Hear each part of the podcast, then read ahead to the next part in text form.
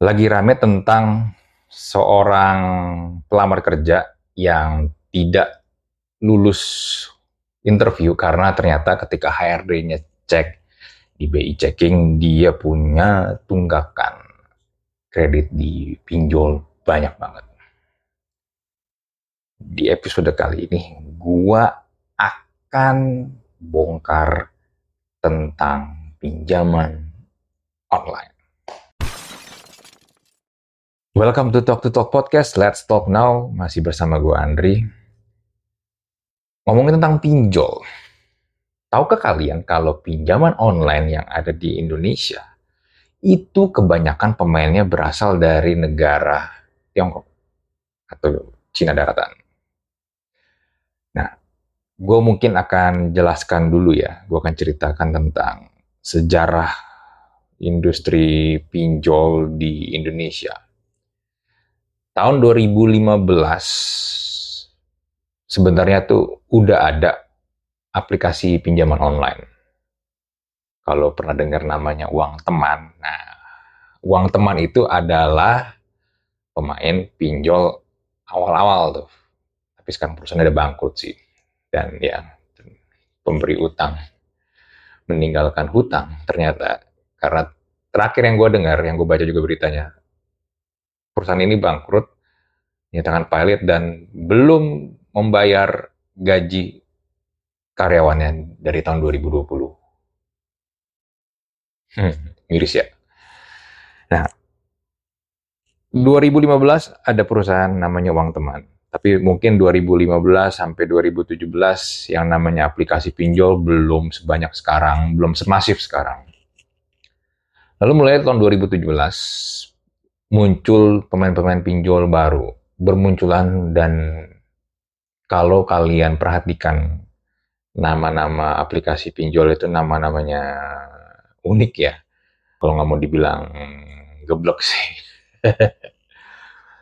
itu kebanyakan adalah perusahaan-perusahaan pinjaman online yang datang dari Tiongkok, dari Cina daratan ke Indonesia.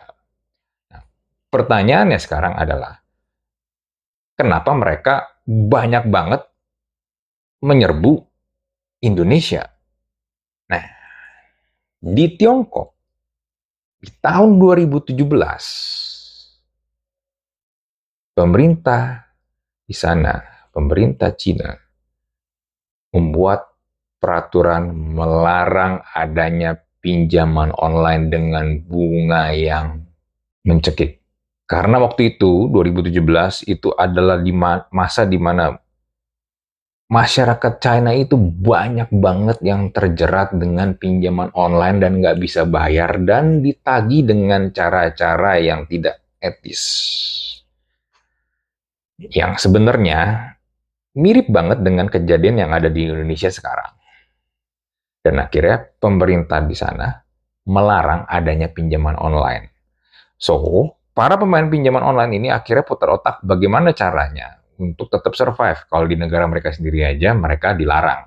Nah, akhirnya mereka memutuskan untuk expand ke beberapa negara. Salah satunya adalah Indonesia. Dan mereka targetin 2017. Dan 2017 yang masuk itu nggak cuma satu atau dua perusahaan doang, tapi rame-rame mereka masuk. Kayak janjian jadinya. Mereka ngumpul jadi satu, kita masuk ke sini. Mereka buka barang-barang dengan nama yang berbeda-beda. Jadi memang ini benar-benar bedol desa banget, masuk ke Indonesia. Nah, 2017 mereka mulai buka, mulailah banyak orang-orang yang tertarik nih. Karena kan modalnya cuma selfie sama foto KTP doang.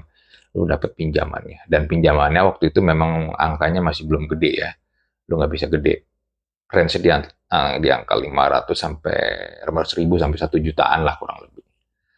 Dan tenornya pun juga singkat 15 30 hari sebulanan lah kurang lebih ya. Sebulanan kurang lebih. Nah tapi pertanyaannya sekarang adalah dengan cara mereka seperti itu mereka kan dilarang nih ya di negara asal mereka dan mereka masuk ke Indonesia nih dan menggunakan cara-cara yang sama. Dan behavior orang kita kan juga kalau melakukan pinjamannya juga nggak ada perhitungannya kebanyakan ya apalagi yang ditargetkan sama aplikasi-aplikasi pinjol ini adalah orang-orang ya sorry itu sih segmennya adalah menengah ke bawah. Ada juga mungkin kelas menengah ke atas wah tapi gue kurang tahu juga angka pastinya berapa yang mungkin juga pekerja kantoran mungkin dia kerja di gedung-gedung kantor tapi ya juga mengambil pinjaman ini mungkin karena udah uangnya udah habis, dia pengen beli sesuatu, diambil lah. Karena pada intinya adalah pinjaman ini memang lebih ditujukan untuk hal-hal yang sifatnya itu konsumtif, untuk belanja. Dan handphone baru, beli gadget baru. Bunganya itu satu persen sehari rata-rata ya. Dengan lu mengambil pinjaman satu juta misalnya lu ambil tenor 30 hari, lu harus balikin 1 juta 300 ribu. 30 persen loh yang lu harus balikin bunganya. Apakah worth it dengan barang yang lu beli? Dengan kebutuhan yang lu ambil? Jawabannya ada di lu. Tapi kalau ini lu ambil dengan tujuan untuk beli sesuatu, belanja sesuatu hanya untuk mengobati rasa FOMO lu doang.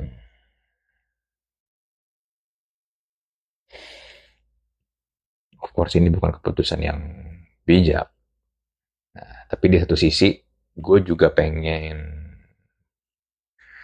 gue juga pengen menyorot kebijakan pemerintah juga nih terhadap pinjaman online ini. Di 2018, akhirnya kan karena mulai rame, makin rame, masif, akhirnya pemerintah pun turun tangan lewat OJK, Otoritas Jasa Keuangan. Dan mulai dirapi-rapiin tuh. Kalau memang pengen beroperasi secara legal di Indonesia, harus mendaftar dan dapat izin dari OJK dulu.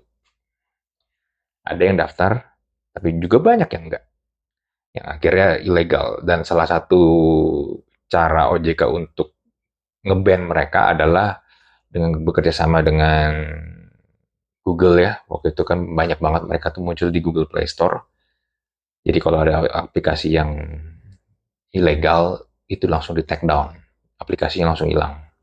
Nggak bisa muncul nggak bisa lagi nongol di Play Store Nah, tapi mereka kan juga banyak akal ya. Mereka bikin lagi yang baru, nama yang baru, mungkin muncul lagi di Play Store. Atau mereka jualannya tuh nggak melalui Play Store, tapi langsung aplikasi lu download. Jadi dikasih linknya, lu tinggal download aplikasinya. Ada caranya yang kayak begitu. Yang sebenarnya itu yang cara yang mereka pakai di di Tiongkok sana karena kan di di negara mereka kan tidak ada Google Play Store ya. Google dilarang di sana yang jadi pertanyaan gue gini, memang akhirnya diatur sama pemerintah besaran bunganya dan berapa yang mereka harus boleh kasih ada maksimalnya. Yang of course tidak boleh satu persen sehari tapi pinjaman online ini kan biar gimana pun targetnya kan masyarakat-masyarakat yang secara literasi keuangan payah ya.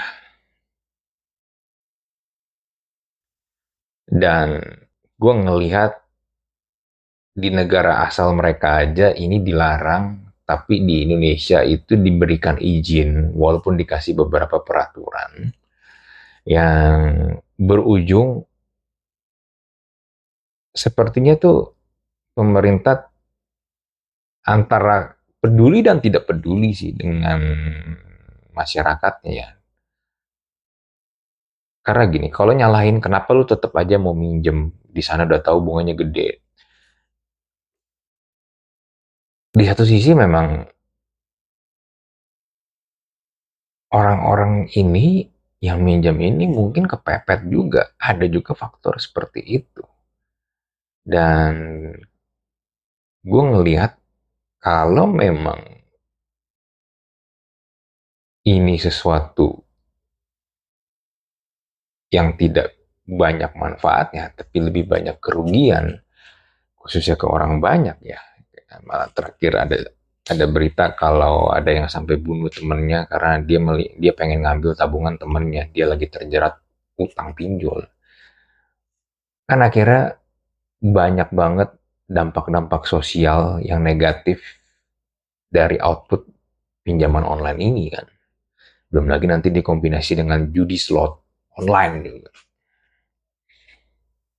Yang menurut gua harusnya memang aplikasi pinjaman online ini harusnya nggak perlu ada kalau menurut gua ya. Ada alasan kenapa orang-orang yang menjadi target pinjaman online ini yang memang tidak layak atau tidak dapat diberikan akses kredit. Karena mereka memang tidak bisa bertanggung jawab terhadap komitmen yang mereka ambil. Pinjamannya memang gampang, tanpa agunan, cukup selfie dan KTP, foto KTP doang.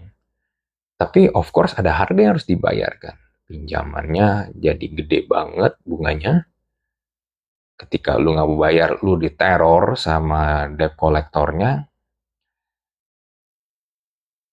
Ya, I don't know ya. Tapi ketika ketika debt kolektor nagih dan lu memang minjem ya mau gimana ya karena mestinya lu memang ada kewajiban buat balikin ya bukannya jadinya lu playing victim itu yang mungkin akhirnya yang sebagian orang akhirnya juga jadi nggak simpati gitu sama yang korban-korban pinjol. Nggak bisa dibilang korban pinjol juga. Sebenarnya lu ada ya lu lu juga yang minjem kan?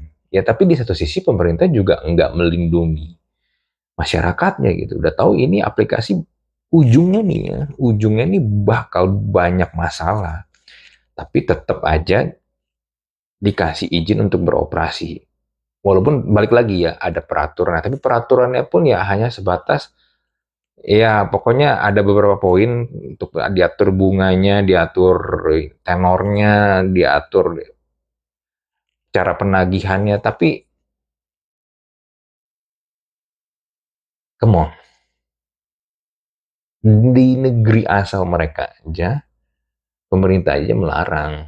Tapi di kita diberikan kesempatan untuk boleh kalau mau beroperasi di sini, tapi lu daftar dulu ya sama gua gitu istilahnya.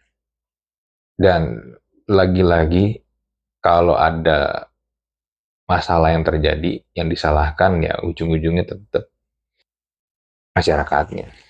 Kenapa mau ambil? Gue cuman bisa bilang apa pun yang terjadi, lu ke, kepepet kepepet apa pun buat lu, jangan sekali-sekali ngambil pinjaman online, apa pun bentuknya ya. Nah sekarang juga bentuknya ada yang peleter yang lu belanja, lu kasih peleter biar lu dibayarin dulu, lu dapat barangnya.